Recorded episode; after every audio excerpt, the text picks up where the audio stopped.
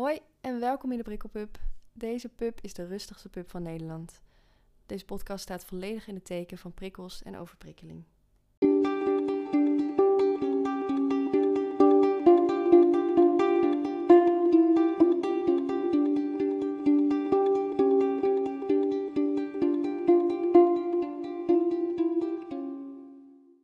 Leuk dat je weer luistert en eh, ik zit vandaag hier met, eh, met Inge. Eh, Inge, waar kennen wij elkaar van eigenlijk? Ja, nou wij kennen elkaar van een, eh, wat is het, bijscholing van de HSV-begeleider. Mhm. Ja, daar hebben we mij, eh, elkaar ontmoet. Ja. Zentherapie volgens mij. Nee, dat was vier talen. Oh ja, dat was hem. Ja. Ja. En, en, en kun je vertellen wat, je, wat, jij, wat jij doet? Want, Ehm, ja, nou, ik ben HSP-begeleider in mijn eigen praktijk. Dus ik coach HSP'ers ehm, met verschillende vraagstukken. Dus dat kunnen kinderen zijn, dat kunnen volwassenen zijn. Ehm, dus ik help hen eigenlijk om weer beter met hun eigen gevoeligheid om te gaan. En ehm, ja, zodat het van een last naar een kracht wordt eigenlijk. en eh, ja, het leek me dus wel leuk om het vandaag een beetje over... Ik bedoel, ik heb zoveel thema's waarvan ik denk dat is interessant om het over te hebben. Over overprikkeling, onderprikkeling. En, Ja. Ehm, HSP, HSS, eh, zelfliefde, grenzen stellen. Dus het wordt misschien een hele lange aflevering, ik weet het niet. Maar we zullen het zien. Maar eh, ja, wat, wat heb jij zelf met die, met die thema's? Ja, heel veel. Het is, ehm, dat is, dat is eigenlijk een dagelijks iets. Zeg maar liefde, grenzen. Eh, ik ben er nog niet zo lang achter dat ik toch wel val onder de categorie high sensation seekers. Dus ja, daar ben ik toch ook wel meer mee bezig. Ehm, en eh, ja, HSP, dat, dat- het is sowieso eh, part of my life. Want ik bedoel, ik ben zelf Mhm. hooggevoelig. Eh, mijn kinderen zijn allebei hooggevoelig. Ik heb een hooggevoelige hond. ja, precies. De andere Hebben we net even gemerkt. Ja, precies. Hè, mijn man is ook toch wel ja, redelijk gevoelig, hooggevoelig. En, Mm. dus ja, we zijn een heel sensitief gezin. Dus, dus hooggevoeligheid, dat, dat is eigenlijk aan de dagelijkse gang eh, van zaken hier. Ja. ja, dat is logisch dan. Dat je er dan, dan moet je er wel mee. Ja, dan moet je er wel wat mee. Komt er niet zonder uit. Kan je wel zeggen, ja, doe maar niet, maar eh, Nee, doe maar even een dagje niet. Dat zou af en toe wel fijn zijn. ja, even een dagje pauze. en, de, en, en HSS, High Sensation Seeker, dat, ja. dat is, ik, ik, ben, eh, heel, ik ben niet heel, altijd heel erg goed met de achtergrond van dingen, maar dat is dat je sneller onderprikkeld bent en snel overprikkeld. ja, klopt. Toevallig een tijdje geleden heb ik een eh, webinar gevolgd eh, eh, wat gaat over onderprikkeling. eh, Mhm. Omdat er heel weinig nog over bekend is. En eh, vooral omdat dit heel erg gebaseerd is. ehm, ja, het, de onderzoeken die er zijn, zijn altijd gebaseerd op overprikkeling. Ehm, maar over onderprikkeling was eigenlijk nog niet zo heel veel bekend. En zeker de high sensation seeker, daar is al wel eerder over geschreven. Hè? Dus eh, het kind met een sterke wil bijvoorbeeld. Of ehm, strong-willed. eh, nou ja, dat, dat, dat soort eh, termen horen daar ook een beetje bij. Ehm, maar high sensation seeker wil zoveel zeggen als dat je eigenlijk heel erg prikkels ook opzoekt. En dan heb je dus een categorie mensen die ehm, dus juist heel erg ook uit vliegtuigen wil springen, parachutespringen, Ja, ja. jumpen en de echt hele gevaarlijke dingen. Ja. Dus de hele heftige prikkels op wil zoeken en ook nodig heeft. En je hebt een categorie high sensation seekers die ehm, meer prikkels wil, maar dan op een minder gevaarlijke manier. Dus die wel Mm. graag bijvoorbeeld naar feestjes gaat, met grote groepen mensen is. ehm, eh, ja, die graag eh, op vakantie gaat naar nieuwe plekken en dat soort dingen. Dus een- Mhm. onder die laatste categorie, ja, als ik het dan toch een labeltje mag geven, val ik dan. Moet Ehm, het toch een labeltje geven. ja, toch. Check. Ehm, en, nee, en, en daar herken ik mezelf echt wel heel erg in. En dat is ook wel mooi, want daardoor vallen ook wel kwartjes op zo'n plek. Dat ik Ja. dan denk, oh ja, wacht even, ja. Ja, dus het, het vraagt ook om een andere benadering. En Ja. het vraagt ook dat eh, bijvoorbeeld een HSP'er die introvert is... niet altijd op dezelfde lijn zal liggen met mij... als dat ik dat eh ervaar met dingen.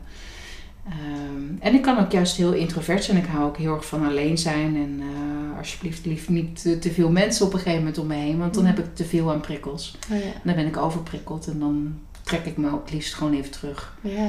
Dus het is een beetje een wisselwerking.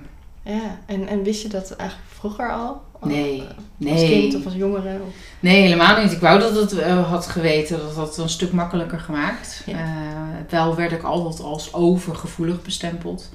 Dus eh, jij, jij huilt altijd zo snel en jij hebt altijd Mm. zoveel eh, ergens last van doe niet zo gevoelig of eh, doe niet zo ingewikkeld. Nou ja, dat zijn denk ik termen die heel veel hooggevoelige mensen wel kennen. Mm. Ehm, ik denk dat ik daar nou pas achter ben gekomen toen mijn zoon werd geboren. Die is nu 15. Ja. Dus omdat we heel erg met hem vastliepen, ja, moest ik daar ook. eh, op een gegeven moment kwam ik erachter dat ik daar toch ook zelf wat dingen van had. Hm. En dat hij heel prikkelgevoelig was. En ja, dat ik voor mezelf toen op een gegeven moment achterkwam, hooggevoelig. Oh, ah, ja, zo. en toen vielen er heel veel kwartjes op zijn plek. Ja, Ja, een soort thuiskomen. ja, van, ah, ja precies. Ja, en puzzelstukjes waarvan je eigenlijk al weet van ja, maar weet je, ik voel me anders dan een ander. En ehm, ik hoor het ook zoveel om me heen van mijn cliënten van ja, maar je bent echt de enige die me begrijpt. En ehm, ja, ik heb me als kind altijd al anders gevoeld. En ik was mijn leeftijd vooruit eigenlijk. hè. En ik had altijd veel oudere eh, kinderen om mee te spelen. Ja, pas veel later, nou ja, kan je dan terugkoppelen en denk je, oh ja, maar dat is logisch. Daarom is Ja. het wat het is. Ja, precies. Ja. Dan zie, kijk je terug en dan denk je, oh, dat was het. Precies, juist. En dan Ja. vallen er ook nog meer kwartjes op zijn plek. Dus ja, weet je, het was soms wel makkelijk geweest als we het hadden geweten. Ah, maar die term bestond toen gewoon simpelweg nog niet. Ja, precies. Dat is wel mooi aan de tijd van nu. Dat, je, Ja. dat er meer, meer over bekend is. En Ja, dus, klopt. eh, is wel mooi omdat het nu de week tegen het pesten is. Dus Zeker. dat is, ik vind het ook wel een mooie lijn. Ik denk dat er ook veel misschien kinderen of jongeren zijn die gevoelig zijn en Ja. daar last van hebben. Dus, eh, Ja, dat, dat weet ik eigenlijk wel zeker. Ik bedoel, eh, toevallig gisteren een post gedaan op Insta. ehm, met een stukje van mijn eigen verhaal, weet je. Want eh, ook ik was zo'n meisje, werd gepest en Mhm. hooggevoelig. En dan snap je de wereld niet. En je snapt niet waarom mensen doen wat ze doen. Ja. En dat kan ik nu met mijn volwassen verstand wel beter begrijpen. Al is het nog soms moeilijk om te bevatten dat mensen soms zo hard kunnen zijn. Ja. En eh, ik heb ook gewerkt op een basisschool eh, als coördinator van de tussenschoolse opvang. En ja, daar stond ik dan op verschillende klassen, voornamelijk bij de kleuters. Maar zelfs dan zijn kinderen al zo hard onderling. Ja. En dat is, ja, dat krijgen ze ook van ouders natuurlijk mee. Het is cultuur soms gebonden ook. En eh, ja, en dan zie je, oh, ik pik de hooggevoelige kindjes eruit. Ja, Ja, weet je, ja. de kindjes die zich terugtrekken, de kindjes die toch wat, wat stiller zijn over het algemeen en eh, die, die sneller geraakt zijn door wat een kind zegt. Hè. Dus eh, woorden doen geen pijn is in dit geval ook niet waar, denk ik. Precies, zeker. Dus, ehm, ja, ja, dat is wel. ehm, ik denk dat het ook daarom fijn is dat er meer bekendheid komt over hooggevoeligheid in het onderwijs bijvoorbeeld. Ja. Ehm, als, als leerkrachten meer zouden weten over hooggevoeligheid en, en zouden kunnen gaan herkennen dat een kind in hun klas, of meerdere kinderen, want één op de vijf is hooggevoelig. Ehm, ja, weet je, dat, dat er meerdere kinderen in hun klas hooggevoelig zijn, dat zou voor zoveel eh, meer rust zorgen, denk ik. Ja. En een andere benadering voor het kind. En eh, ja, maar ja, helaas hebben leerkrachten natuurlijk ook vanwege de Ja. onder bezetting natuurlijk ook niet altijd daar de tijd voor. Maar het is wel iets waar ik voor pleit. En eh, ja, ik denk dat eh, het mooi is om dat eh, wat meer de wereld in te brengen. Ja, ik denk dat we ook wel echt van het label af mogen dat HSP een soort aanstelleritis is of Ja. zoiets. Dat, Heel graag. Ja, ik zag dat laatst nog bij, hoe heet het, juf Ank, zeg maar. Oh ja. De- eh, Het was er ook van, ja, maar zij is hooggevoelig, mijn, mijn kind is hooggevoelig. En ja, nou, die heeft dat en die heeft dat. En kan niet overal rekening mee houden en zo. Maar ik denk dat het best wel wat, eh, wat serieuzer genomen mag worden. Ja. Zeker. Dat je niet een aansteller bent omdat je snel huilt, maar omdat je gewoon eh, wat meer binnenkrijgt. Of, eh, Ja. ja. Nou ja, en eh, ik ben daarom ook blij met de wetenschappelijke onderzoeken die er zijn geweest, ook over het brein van een hoogsensitief iemand. Dat ze ook ehm, hebben onderzocht, hé, wacht even, maar het brein van een hoogsensitief iemand werkt ook echt anders. ja, precies. En eh, ik las toevallig van de week ook een stukje over eh, dat ze DNA-onderzoek hebben gedaan. Dat er bepaalde eh, genen zijn die daar verband mee houden. Dat ze daar al, ze zijn nog niet zo heel ver, maar dat ze inmiddels wel kunnen concluderen dat bepaalde genen ook wat actiever zijn. Ja. ja, want je ziet het ook vaak in families terugkomen. Ja. Dat is Ja. Je hebt zelf die ervaring, ik heb die ervaring ook. Ja, dat klopt. Ja, het is gewoon... Ja, dus het is wat dat betreft ja, daarmee ook dus absoluut geen hype of modeverschijnsel. Of het is zeker geen aanstelleritis, maar het is ook geen ziekte. Het is ook niet iets wat, ja, wat verstopt moet worden of zo. Hmm. Wat is jouw eigen sterkste zintuig eigenlijk? Ik denk wel mijn ogen. Oh, Ja.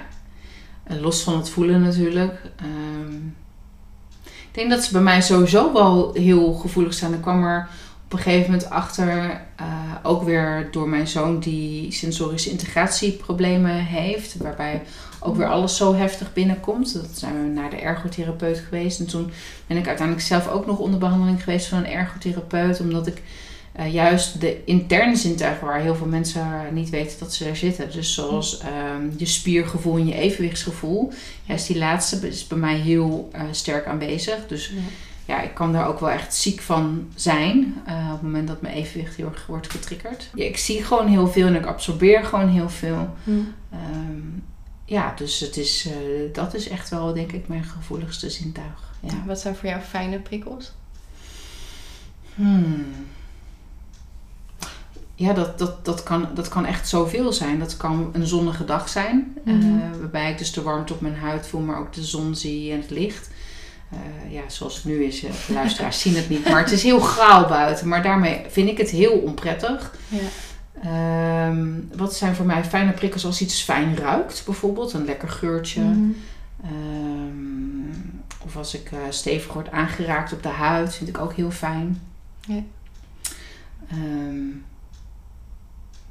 wat heb ik nog meer? Kleuren, als ik iets zie. Ja. Ja, Ja, je hebt ook kleurig huis. ja. bloemen en dat Ja. soort dingen. Dus dat zijn voor mij echt fijne prikkels. Ja. Fijne prikkels zijn ook eh, gesprekken met mensen. Oh ja, precies. Dat is ook, dat is ook een prikkel. Natuurlijk. Ja. En in, interne prikkels, heb je daar nog? Dat je denkt, oh, dat vind ik heel fijn voelen. Of, Hmm. Ik ben altijd wel heel gevoelig voor stofjes. Weet je, als ik ga winkelen, dan moet een stofje ook wel fijn voelen. oh ja. Anders ga ik het niet aantrekken. Ik heb ook ooit een wollen trui gehad. Nou, daar heb ik spijt van gehad. Ja, verschrikkelijk. Dat, eh, dat doen we echt never nooit meer. Ehm, dus ehm, ja, wat vind ik fijn?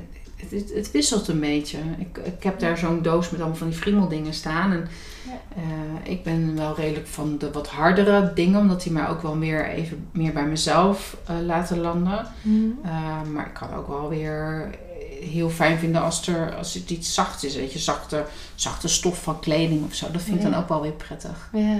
En muziek. Ik ben heel gevoelig ook voor muziek. Dus dat is ook wel weer een hele fijne prikkel, mits het fijne muziek is die Geen past heavy mij is. Nee, nou ja, weet je, ik was laatst, dat was wel heel grappig. Eh, eh, wat, was, wat was het nou? Even denken. Oh ja, ik ging naar het concert van Pink. Oh ja. Dan zeggen mensen, nou dat vind ik helemaal niet passen bij jou. Gelukkig weet je zelf wat bij past.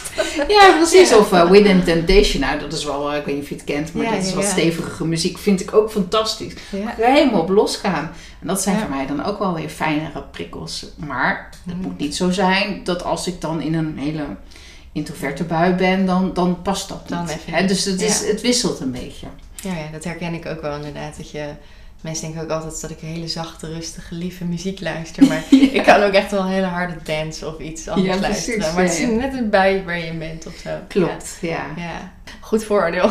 Wat, eh, eh, hoe ziet het er bij jou uit eigenlijk als je, als je overprikkeld bent? Nou, allereerst word ik al mega zagrijnig. dat weet mijn man als geen ander. Ja. Eh, die weet inmiddels ook wel wat hij moet doen. We zijn eh, twintig jaar samen, dus dan weet hij inmiddels ook wel, eh, Oh, ja. zo werkt het.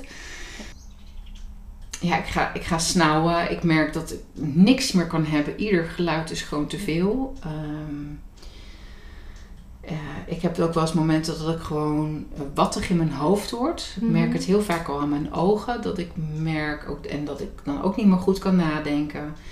Ehm, ja, dan bouwt eigenlijk de spanning zich heel erg op in mijn lichaam. En ehm, dan soms krijg ik het ook heel erg eh, warm. En dan, ik heb echt het gevoel dat ik uit de situatie moet. ja, en dat doe je dan ook? Nee, dat is niet altijd mogelijk. Nee. Dat is, ja, weet je. ehm, eh, ik probeer bijvoorbeeld op een verjaardag of zo, als ik overprikkeld dreig te raken, omdat er zoveel tegelijkertijd gebeurt, probeer ik wel eens bijvoorbeeld naar de wc te gaan of eh, even in de keuken te helpen of dat soort dingen. Maar ja, je kunt het niet, je, je kan niet altijd uit de situatie. Dus dan is het ook wel Mm. fijn. Dus ik noem het maar even bij mijn cliënten een EHBO-kit Mm. hebt. Dus eerste hulp bij overprikkeling. Ehm, als je die gewoon eh, bij je hebt en daar gewoon eh, iets uit kan halen. En dat kan denkbeeldig zijn, ik denk maar aan oefeningen. Maar dat kan ook bijvoorbeeld iets te eten of iets te drinken Ja. zijn. Gewoon fysiek, tastbaar iets. Ja, wat mij dan bijvoorbeeld op dat moment weer helpt. Of eh, ik loop tegenwoordig, als ik met de honden buiten loop, loop ik tegenwoordig met oordopjes met muziek in. Omdat mij dat helpt. Van als ik overprikkeld ben, van werken met cliënten bijvoorbeeld. eh, dan, dan sluit ik me alweer af. En dan zit ik al Ja. wat meer in mijn eigen wereldje. En dat helpt mij dan ook wel weer om meer terug te komen. Ja, want dat lijkt me ook best wel lastig als jullie allemaal gevoelig zijn Ja. natuurlijk. Dus het was lastig dat je dan Ja.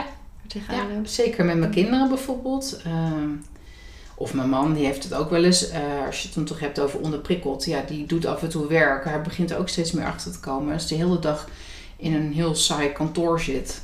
Met niemand om zich heen en geen geluid. En de hele dag alleen maar achter de pc.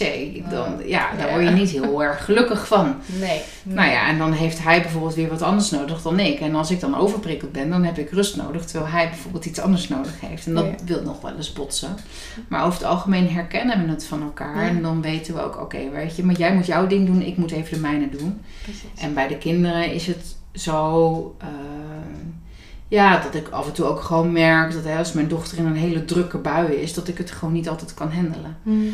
Ehm, en tegenwoordig zeg ik dat dan ook. Of ik trek me gewoon terug. Of, eh, hè, dus er is wel begrip voor. We weten wel van elkaar wat het inhoudt om overprikkeld Ja. te zijn. Hè, dus er is ook wel begrip voor als er eentje is die rust nodig heeft. En dat hebben we met de kinderen overigens altijd al gedaan. Omdat ze altijd al heel prikkelgevoelig waren, hebben we altijd al rekening gehouden met wat we deden, wanneer we dat deden, hoe laat we dat deden. Ja. Dus, Dat is eh, een erg voordeel. Ja. Je snapt het van elkaar. heel ja, erg. klopt. Weet je. En Ja. eh, bijvoorbeeld verjaardagen vierden we vroeger, toen de kinderen nog wat jonger waren, echt altijd standaard op zaterdag. Want dan hadden ze zondag om bij te komen. Ja, ja. Ja. Gezien de hoeveelheid prikkels op vakantie gaan, doen we nooit meteen als de vakantie begint. Omdat ze dan moeten acclimatiseren. En, en we hebben ooit eens een situatie meegemaakt dat gewoon niet fijn was. Dat mijn zoon gewoon helemaal zo overprikkeld was. Ja, dat doen we dus niet meer. Nee. Dus we bouwen altijd eerst een week rust in bijvoorbeeld voordat we op vakantie gaan. Maar hoe mooi dat je dat dan ziet en herkent en daar iets mee kan. Dus Ja. natuurlijk, ja, ik wou zeggen, een ouder die zich niet herkent in hooggevoeligheid, die, voor die ouder is het heel anders, denk ik. Klopt. Een gevoelig kind. Ja, zeker. Dus dat is en dat, eh, probeer dat ouders ook altijd te vertellen, weet je. Want jij bent er ook nog. Ja, En voel je alsjeblieft ook niet schuldig als je een keer uit je vel springt. Want ja, je zit ook aan je tax. ja. En je bent ook maar gewoon mensen. En als jij een hele lange werkdag hebt gehad waarin je onder- of overprikkeld was. Mhm. Ja, dan, en daar zijn kinderen die dan ook nog aandacht behoeven. Ja, en er moet nog zoveel, laten we Ja. wel wezen. Er moet gewoon heel veel, ook in een gezinsleven natuurlijk. Ehm, ja, dan lukt het ook niet om altijd alle ballen hoog te houden. En dan mag je ze af en toe ook Ja. gewoon eens laten vallen. Ja, Ja. precies. De ballen lekker laag houden. Ja, en het scheelt Ja. dan als je van jezelf er- erkent en weet van, oh wacht even, maar ik ben ook hooggevoelig. En als je kind ook nog hooggevoelig is. Weet je, het kan dus heel fijn zijn om dat van elkaar te weten. En natuurlijk, het kan dus inderdaad ook soms wel eens ja, behoorlijk pittig zijn. En zeker als je eh, een, een, een kind hebt wat je heel erg uitdaagt. Ja. En mijn dochter die is echt wel eh, ook de high sensation seeker. Zeker met een, met een enorm sterke wil. Ja, je zal af en toe sterk in je schoenen moeten staan. Precies, goede grenzen. Ja. ja. Leerzaam wel. Dat is zeker heel leerzaam. Kinderen leren je heel veel over jezelf. Het zijn spiegels, niet altijd even makkelijke spiegels, heel intens vooral, maar vooral heel mooi. Ja. Ja, Mooi dat je er dan zo mee om kan gaan. Heb, je, ja, dat heb je dan geleerd al door te doen, zeg maar? Of? ja. Ja, nou misschien scheelt het wel dat ik een eh, pedagogische achtergrond heb, dat ik altijd al gewerkt heb met kinderen. Dat Ja. weet ik niet. Ehm, maar ik weet wel dat ik toen, toen ze nog heel jong waren, dat ik dacht, oh nee, als ze pubers zijn, dan kan ik echt niet hoor. Ja, nu zijn ze puber. Eh, dat kan ik ook gewoon. Dus Ja. je groeit daar ook wel in mee. Je leert ook wel natuurlijk steeds meer over jezelf. Wat wil je wel, wat wil je niet. Maar het gaat natuurlijk ook over grenzen laten vieren af en toe. Weet je, je Mm. kunt ook zeggen tot hier en niet verder. Maar je kunt af en toe ook gewoon luisteren naar wat heeft je kind gewoon te vertellen. Ja. Eh, zeker de hooggevoelige kinderen, die hebben zoveel wijsheid in zich. Hmm. Ehm, kunnen we heel erg blijven vasthouden aan hoe het altijd al is geweest. M- Maar ja, zij laten zien dat het juist ook anders kan. Ja. ja, die kunnen wij dan ook weer van leren, zeg maar. Precies, juist. En eh, juist ook weer heel erg naar onszelf toepassen. Ja, mooi. En, en eh, je had het net ook over, over onderprikkeling, zeg Ja. maar. Hoe ziet dat er voor jou uit? Dan is- is het een soort verveling, moet ik me dat... ja, nou.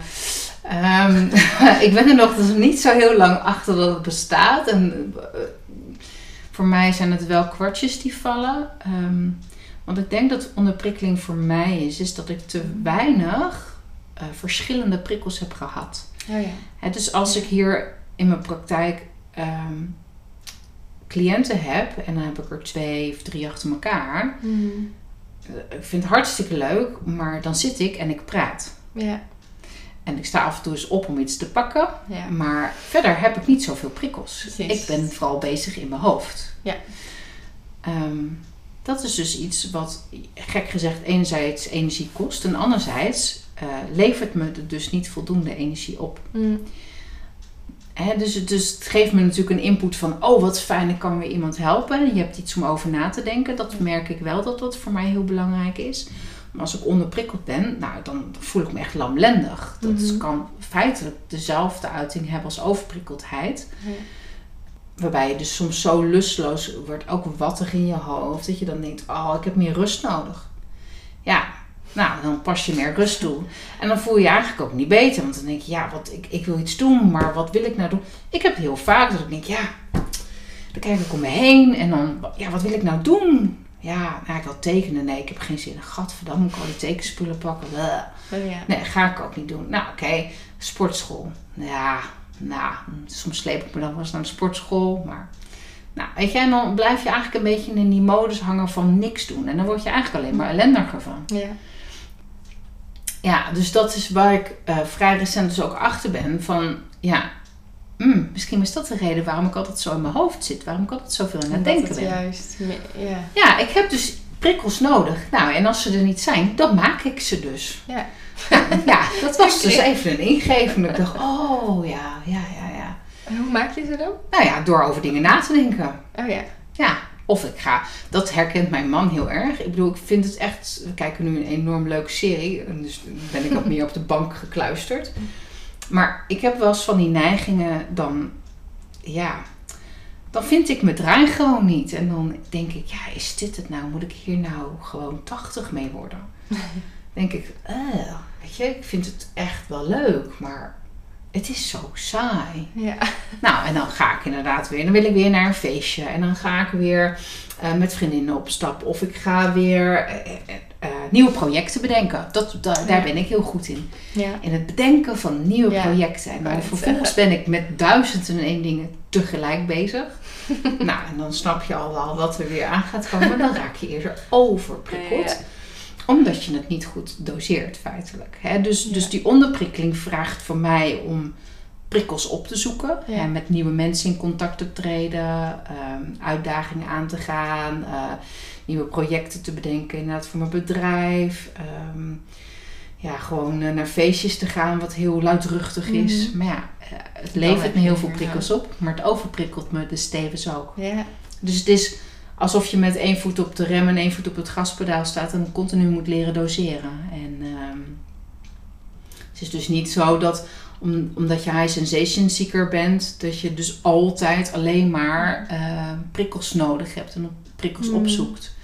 Ehm, het is zelfs zo gebleken dat juist de high sensation seekers soms net wat meer overprikkeld lijken te zijn dan de gewone hoogsensitieve Ja. mensen. Juist inderdaad denk ik ook door de, die, dan die rem en dat Ja. gas. En Ja, gaat snel de ene kant op. En het is wel mooi dat je praktijk balancing heet. Want het is, ja dat is het precies... eh, dat dekt de lading wel, denk ik. Ja, dus nog steeds op zoek ook naar eigen balans daar inderdaad in. Van ja, doe ik iets nou wel, doe ik iets niet?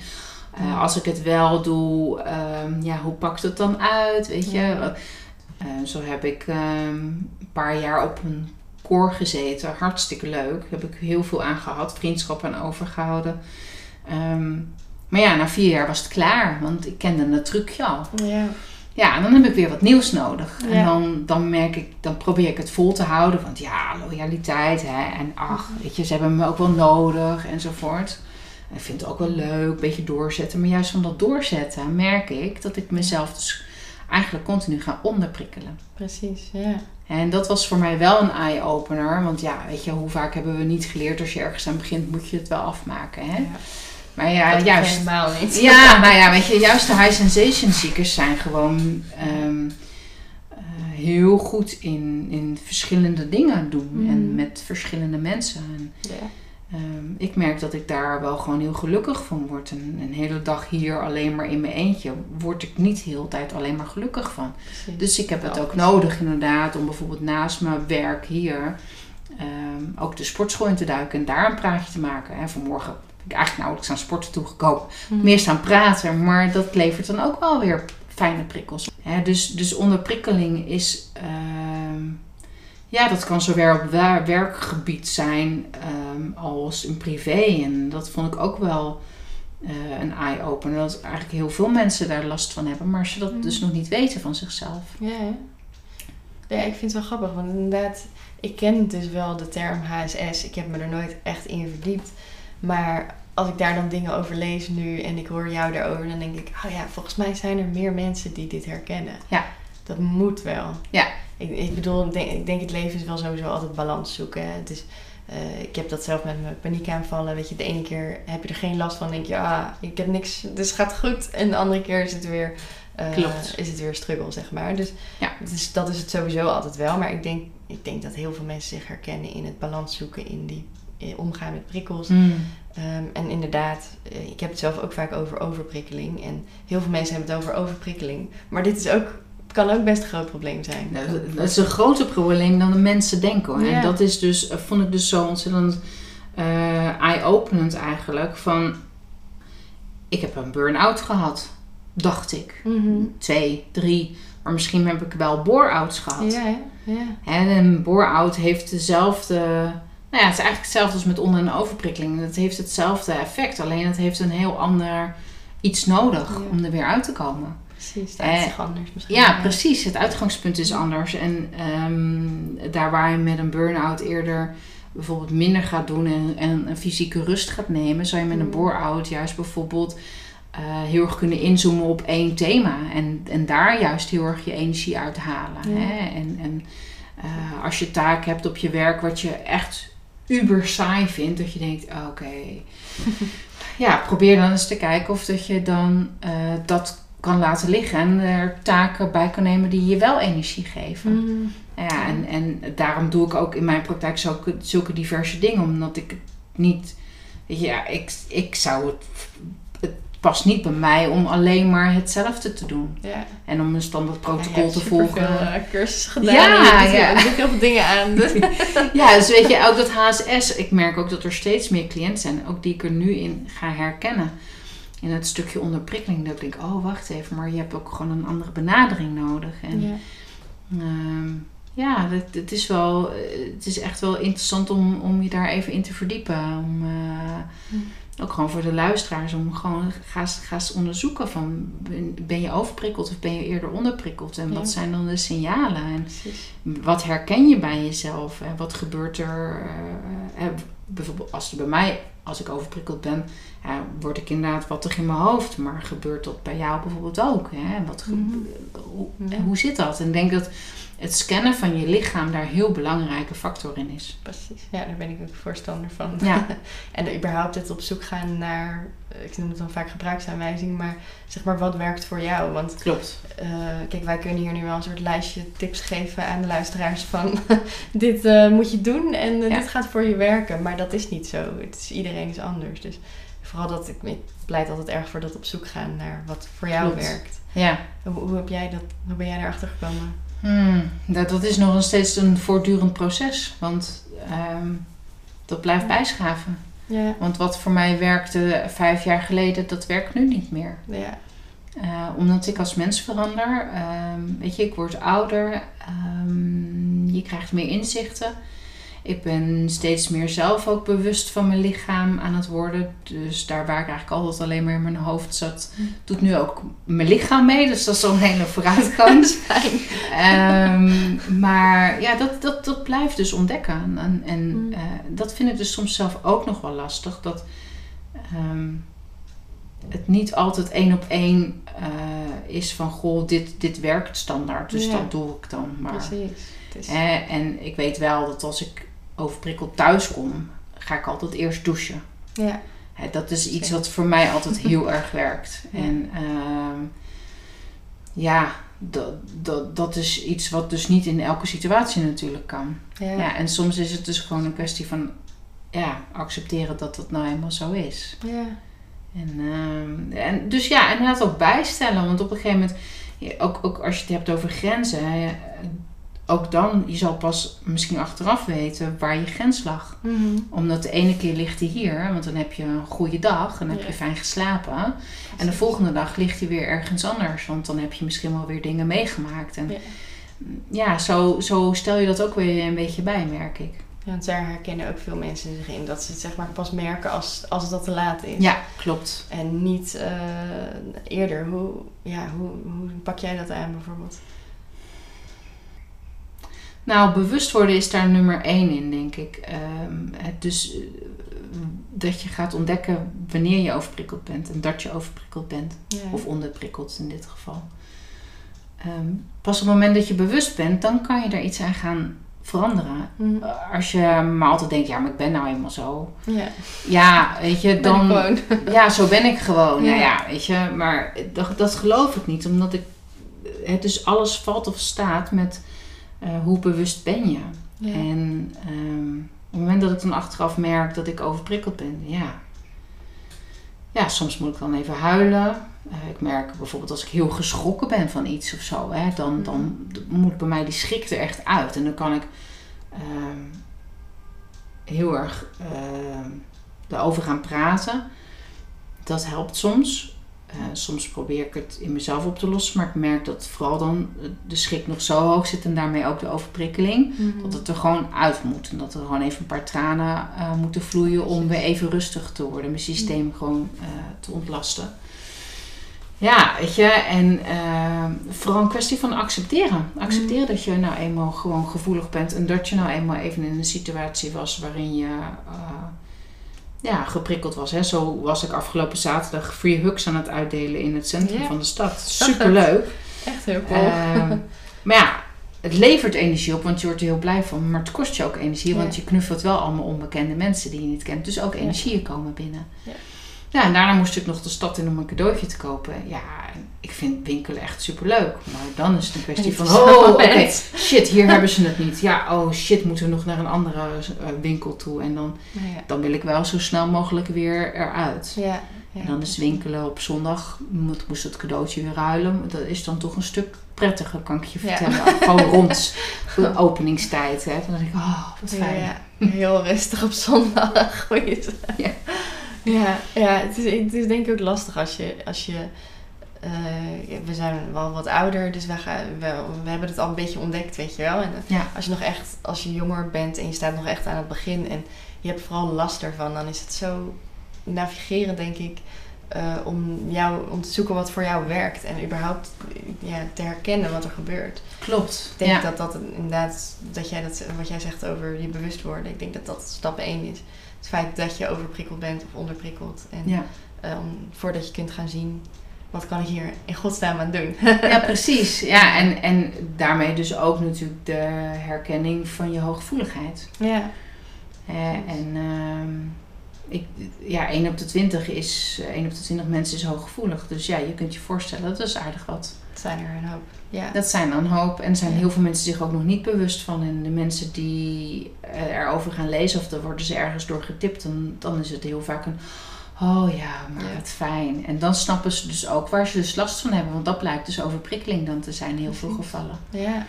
Ja, dan, oh, maar daarom ben ik altijd zo moe. Of daarom heb ik altijd hoofdpijn. Of daarom ben ik misselijk als ik ergens ben geweest. Of Ja. ja, dan vallen de kwartjes op zijn plek. Ja. En hoe, hoe stel jij grenzen? Aan de wereld om je heen? Nou, dat is echt grappig. Ehm, toevallig heb ik uh, komende maand met het HSP-café, wat ik maandelijks organiseer, een thema over grenzen. Um, dus dat is wel weer heel grappig. Um, nou, ja, dat vind ik zelf ook nog wel een uitdaging. Omdat ik heel vaak ook nog niet altijd goed weet of voel waar de grenzen liggen. Mm. ik leer steeds meer nee te zeggen. En daarmee ja tegen mezelf. dus daar waar ik voorheen altijd Um, was dan altijd een ander helpen enzovoort. Mm. Uh, ben ik letterlijk even uh, ook stilgezet uh, door middel van een aanrijding en een flinke val. Dus ja, waarin ik moet zorgen voor mezelf, mijn grenzen moet mm. aangeven. Heftig. ja, dat is, daar heb ik nog steeds wel last van. En dat is, dat is voor de omgeving natuurlijk ook wel eens lastig als ze altijd gewend zijn dat ik ja zeg overal ja. tegen. En ineens moet ik nee zeggen of zeg ik nee omdat het voor mij niet goed voelt. Eh, is dat wennen. Um, ik probeer het altijd wel zo liefdevol mogelijk te doen. Omdat ik wel merk dat als een ander een grens aan mij stelt en dat dat gewoon niet respectvol is, dat ik dat ook niet prettig vind. Mhm. Ehm, dus ik probeer meer te voelen van oké, wat heb ik nu nodig? En vanuit daaruit dus te handelen. Dus als ik nu geen behoefte heb aan een verjaardag bijvoorbeeld, hij staat gepland. Ja, eh, ga ik dan kiezen toch voor die verjaardag? Of kies ik dan voor mij? Omdat ik voel dat ik bijvoorbeeld nu rust nodig heb. Ja, en dus grenzen voelen. Ik zeg altijd tegen mijn cliënten, en dat, die geldt natuurlijk net zo goed voor, voor mezelf. Begint ook weer met voelen. Ja. En want het is heel makkelijk om te zeggen, ja, maar je moet gewoon even je grens aangeven. Ja, de. ja maar hoe doe je dat? Ja, ik wou net zeggen, want dat is denk ik ook vaak de vraag van ja, hoe geef ik mijn grens aan, maar wat is überhaupt je grens?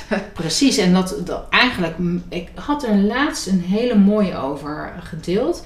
Ehm, van dokter Juriaan. Um, en die deelde ook over grenzen aangeven. Dat dat dus heel vaak wordt gezien als egoïstisch. Hè? Ehm, maar dat het ook juist iets heel moois kan betekenen voor de ander. Dat je eigenlijk zegt: oké, tot hier is mijn grens. Mhm. En uh, tot hier kan ik liefdevol zijn bij jou.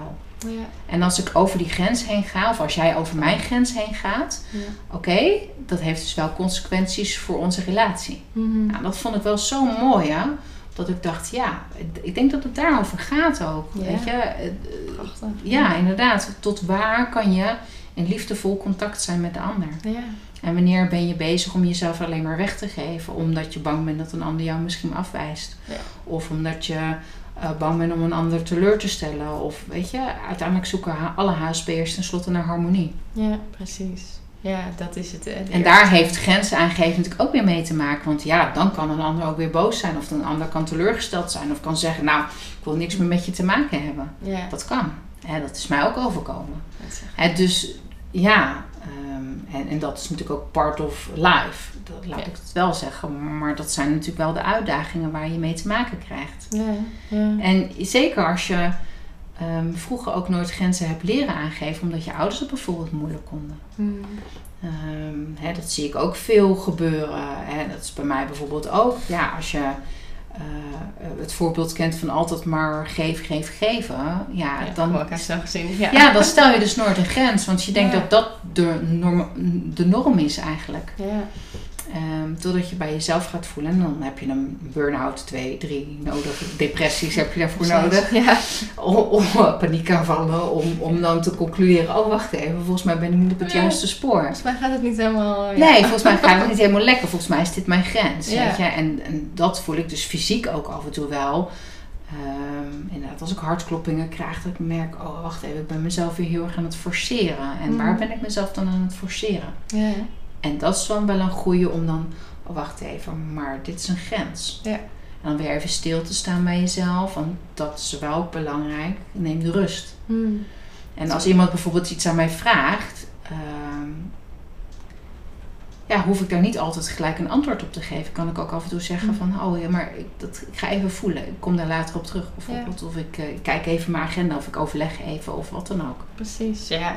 9 van de 10 keer vinden mensen het ook niet erg heb ik het idee. Nee, klopt. Vinden ze het juist soms ook alleen maar fijn. Kijk, ik vind het dan nog soms wel eens spannend om dan die grens aan te geven van nee, maar ik ga niet mee. Ja, ja precies. Ja, ik heb dat net zo. En soms dus achteraf, dat je denkt, oh, dat was niet zo handig. Hè? Of in mijn geval ga ik ook regelmatig over mijn eigen grenzen heen. Is het niet een kwestie van alleen maar dat anderen over mijn grenzen heen gaan. Hm. Ja, omdat ik die prikkels zo zoek, ga ik dus ook regelmatig eroverheen. Ja. Ja, dat kan dus ook ergens, nou ja, oké, dan is het gewoon oké. Dan weet je, oké, ja, bijvoorbeeld net het concert van Pink. Ja, ik wist dat was heel veel voor mij. Maar ik Hm. wilde het zo graag. Ja. Nou ja, eh, dan sta ik daar tussen 40.000 man op het veld te springen. Ja, dan ga ik wel over een grens heen van mezelf. Maar ik weet dat ik er ook een leuke ervaring aan overhoud. Dus op zich hoeft het niet altijd iets vervelends te zijn. Ja, precies. Dat, dat denk ik ook inderdaad. Dat is belangrijk dat je dat, dat, Ja. dat ook echt meegeeft inderdaad aan wie er luistert. Dat dat een bewuste keuze kan zijn. Ja, precies. Ja. Ja. Want dan heb je gewoon een leuke Ja. avond gehad. En dan kan je daar weer eh, opteren. Dan kan je wel weer energie uithalen. Ja. Ja, hoe heb, heb je dan nog een soort van strategie hoe je erin gaat? Of je gaat gewoon dan helemaal van hart open? Ja, ik, ik doe alles open. Ja, ik, precies, eh, ik ook. ik heb het wel eens geprobeerd, eh, maar dat lukt me dan toch niet. En ik merk dat ik het, ehm, dat ik het op dat moment zo ontzettend intens beleef. Dat Hmm. ik, dan slurp ik het helemaal naar binnen. Ja. En dan, dan Ja. ehm, ik merk ook dat ik het graag wil vasthouden of zo, dat gevoel. Maar dat lukt dan niet. Oh ja. En dan heb ik wel foto's of filmpjes of eh, dan kan ik dat gevoel weer terughouden. Maar dat, hoe het daar was, ja, dat, ze zouden eigenlijk een soort van potje moeten hebben wat je open kan doen, dat je dat weer helemaal erin kan zetten of zo.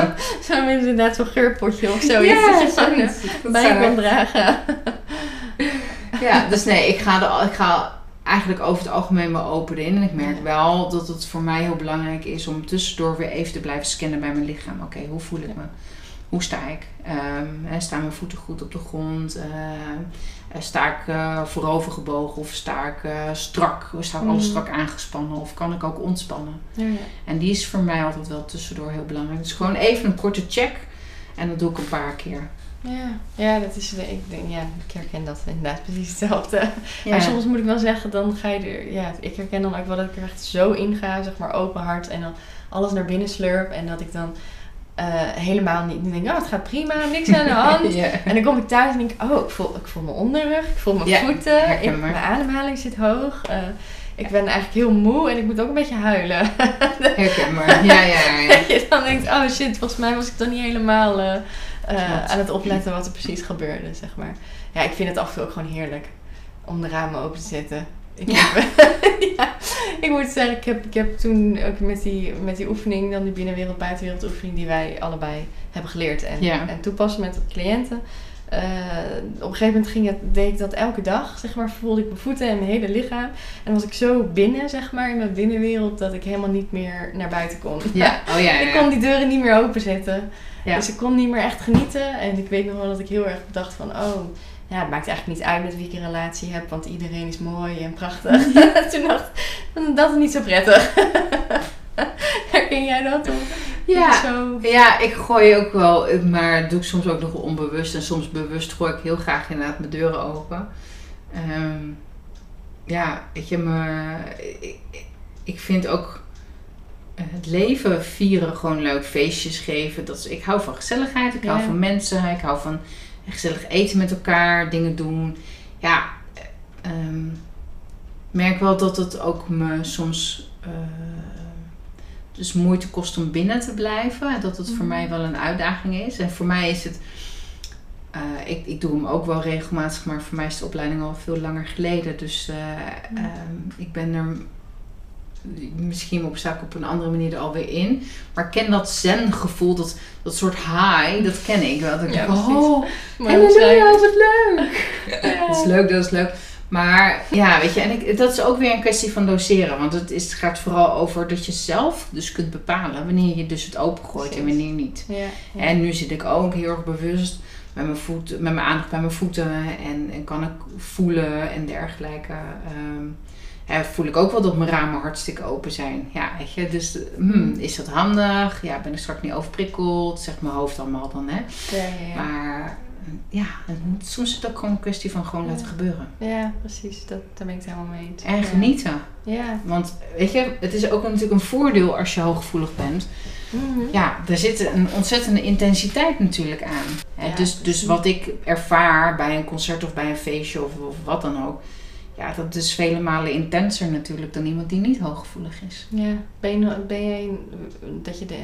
Ja, ik weet dat we het daar toen bij de cursus ook over hebben gehad. Van, dat er nog heel veel mensen waren die er inmiddels wel mee om konden gaan met Ja. hun hooggevoeligheid. Maar als ze de keuze kregen dat ze liever niet hooggevoelig waren. Hoe sta jij daarin? Nee, ik zou, ik zou het niet willen missen. Ja, het zijn natuurlijk wel dagen dat ik... oh, pff, Weet je, die eh, gevoeligheid, dan mag ik niet wat minder gevoelig zijn. Nee, want ik merk wel dat het me ook heel veel voordeel oplevert. Ook Mhm. met mijn werk, mensen die ik ontmoet. Ehm, ik zou me ook niet kunnen voorstellen hoe het is als je niet hooggevoelig zou zijn. Dat Om- is ook zo. Ja, weet je, dan, dan eh, ik kan zulke minieme, eh, voor anderen misschien onbenullige dingen waarnemen, Hm. die voor mij dan juist zoveel eh, betekenen. Hè? Dus Hm. zo landde bijvoorbeeld een lieve heersbeestje, dus naar de free hugs op mijn been. Ik kan daar gefascineerd naar zitten kijken en Ja, helemaal blij zijn. Dan denk ik, oh, geweldig.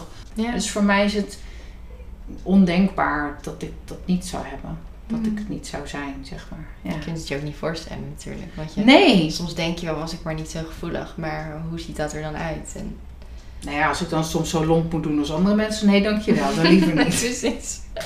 Ja, ik, het is fijn, de intuïtie die we hebben en de mensen Ja. aanvoelen. En het kan een valkuil zijn, maar het, het is ook zo mooi. Het is zo, je, je vergeet zo snel dat te vieren. Dat Klopt. Dat, Ja. mooie eigenschappen ervan, van Ja. hooggevoeligheid. Ja. En wat denk jij is zeg maar de kern van onder- en overprikkeling? Hmm. Ja, dat is do- leren doseren. Dat is balans zoeken. Hm. En de ene keer houdt dat dus in dat je meer eh, prikkels nodig hebt. En de andere keer wat minder prikkels. En soms zou je er overheen gaan. Ja. En de kern is vooral ontdekken, wat heb jij nodig? Hm. Want wat ik nodig heb in de onderprikkeling wil niet hetzelfde betekenen als wat jij eh, nodig hebt. Of wat de buurman nodig heeft. Ja. Eh, en eh, zo heb ik dus een. het is wel grappig, heb ik een goede vriend en tevens inderdaad ook HSP-begeleider. En dan zitten we samen te werken, want we werken aan bepaalde dingen. En dan, eh, we hebben samen dat op webinar gekeken, ja. En dan raken we zo vet onderprikkeld. En dan is Ja. dat grappig, want dan gaan we lopen geiten. En dan, oh ja, god. En, ja, we moeten weer even prikkels hebben, jongens. Oké, laten we even wat te eten halen, even pauze. En ja, dus dat is ook wel grappig als je het gaat leren herkennen. Dan Ja. weet je ook op een gegeven moment ja, wat je ermee kan doen. En dan wordt het soms ook gewoon een hele grappige situatie. Ik weet toch dat jij in die cursus toen het had over geestelijke honger. Dat is- Ja! Die twee woorden zijn me zo, die heb ik jarenlang kwamen die als een soort Oh, bij mij echt eh, voorbij. honger. Geestelijke honger. En dat meer is, ja, ja, heb ik ook, heb ik ook. en dat ik toen dacht ik, oh nee, dat heb, die heb ik volgens mij niet. Ja, ik wil altijd meer weten. Ik Ja. wil is altijd meer om te weten. Ik ga dus vrijdag, zaterdag, zondag een training doen. Dan heb ik maandag rust. En dan heb ik dinsdag, woensdag weer training. Nou ja, zoiets, weet je. Ja, dat is die geestelijke honger, ja. Meer, meer. Dus zelfs als spons. En eh, ik weet, daar kan ik dus over, van overprikkeld raken. Ja. Ehm, dus ik trap heel regelmatig daar maar ook wel op de rem. ja. En dat is dus soms lastig. Want dat betekent dat je in je enthousiasme ook wordt afgeremd. Maar het is ook wel goed. Want Ja. anders raak ik dadelijk wel weer in een burn-out. Precies. Ik denk ook dat het soort van, je hebt het toch al, die interesse. Dus als het iets minder is, dan is, dan is Ja, ook nog wel. Mooi. En, en hoe help jij anderen eh, met de thema's onder- en overprikkeling? Nou, ehm, vooral door inzicht te geven in hoe het werkt bij hen. Nee. Eh, te vertellen over onderprikkeling, te vertellen over overprikkeling. Ehm, maar ze ook vooral zelf te laten ervaren. Eh, dus ik geef ze huiswerk mee van oké, eh, hartstikke leuk wat ik vertel, maar ga alsjeblieft op zelfonderzoek. Ja. En wat, hoe ziet overprikkeling eruit voor jou? Wat heb jij dan nodig? Mm. En wat gebeurt er dan in je lichaam? Ga het maar gewoon opschrijven wat er gebeurt als je na een dag winkelen thuis komt. Oh ja. of ehm, als je ehm, ja, onderprikkeling. Hè? Dus, dus in dit geval ook dat je mensen leert ehm, dat ze ook mogen veranderen van prikkels. Dus dat ze niet heel de dag hetzelfde moeten doen. Ja. Hè, dus Ja, ja, dus eh, iemand de hele dag computerwerk zit te doen, ja, ga af en toe, je af en toe op. Ga, ga bewegen. Hè, dus op die manier vooral inzicht geven. En dus vooral zelfonderzoek. Ja. Dus Ja, dat ik zeg altijd, neem alsjeblieft niet altijd alles van mij aan. Want Mhm. eh, ik weet heel veel uit eigen ervaring, ook door opleidingen en dergelijke. Maar ik vertel ook niet per se de waarheid.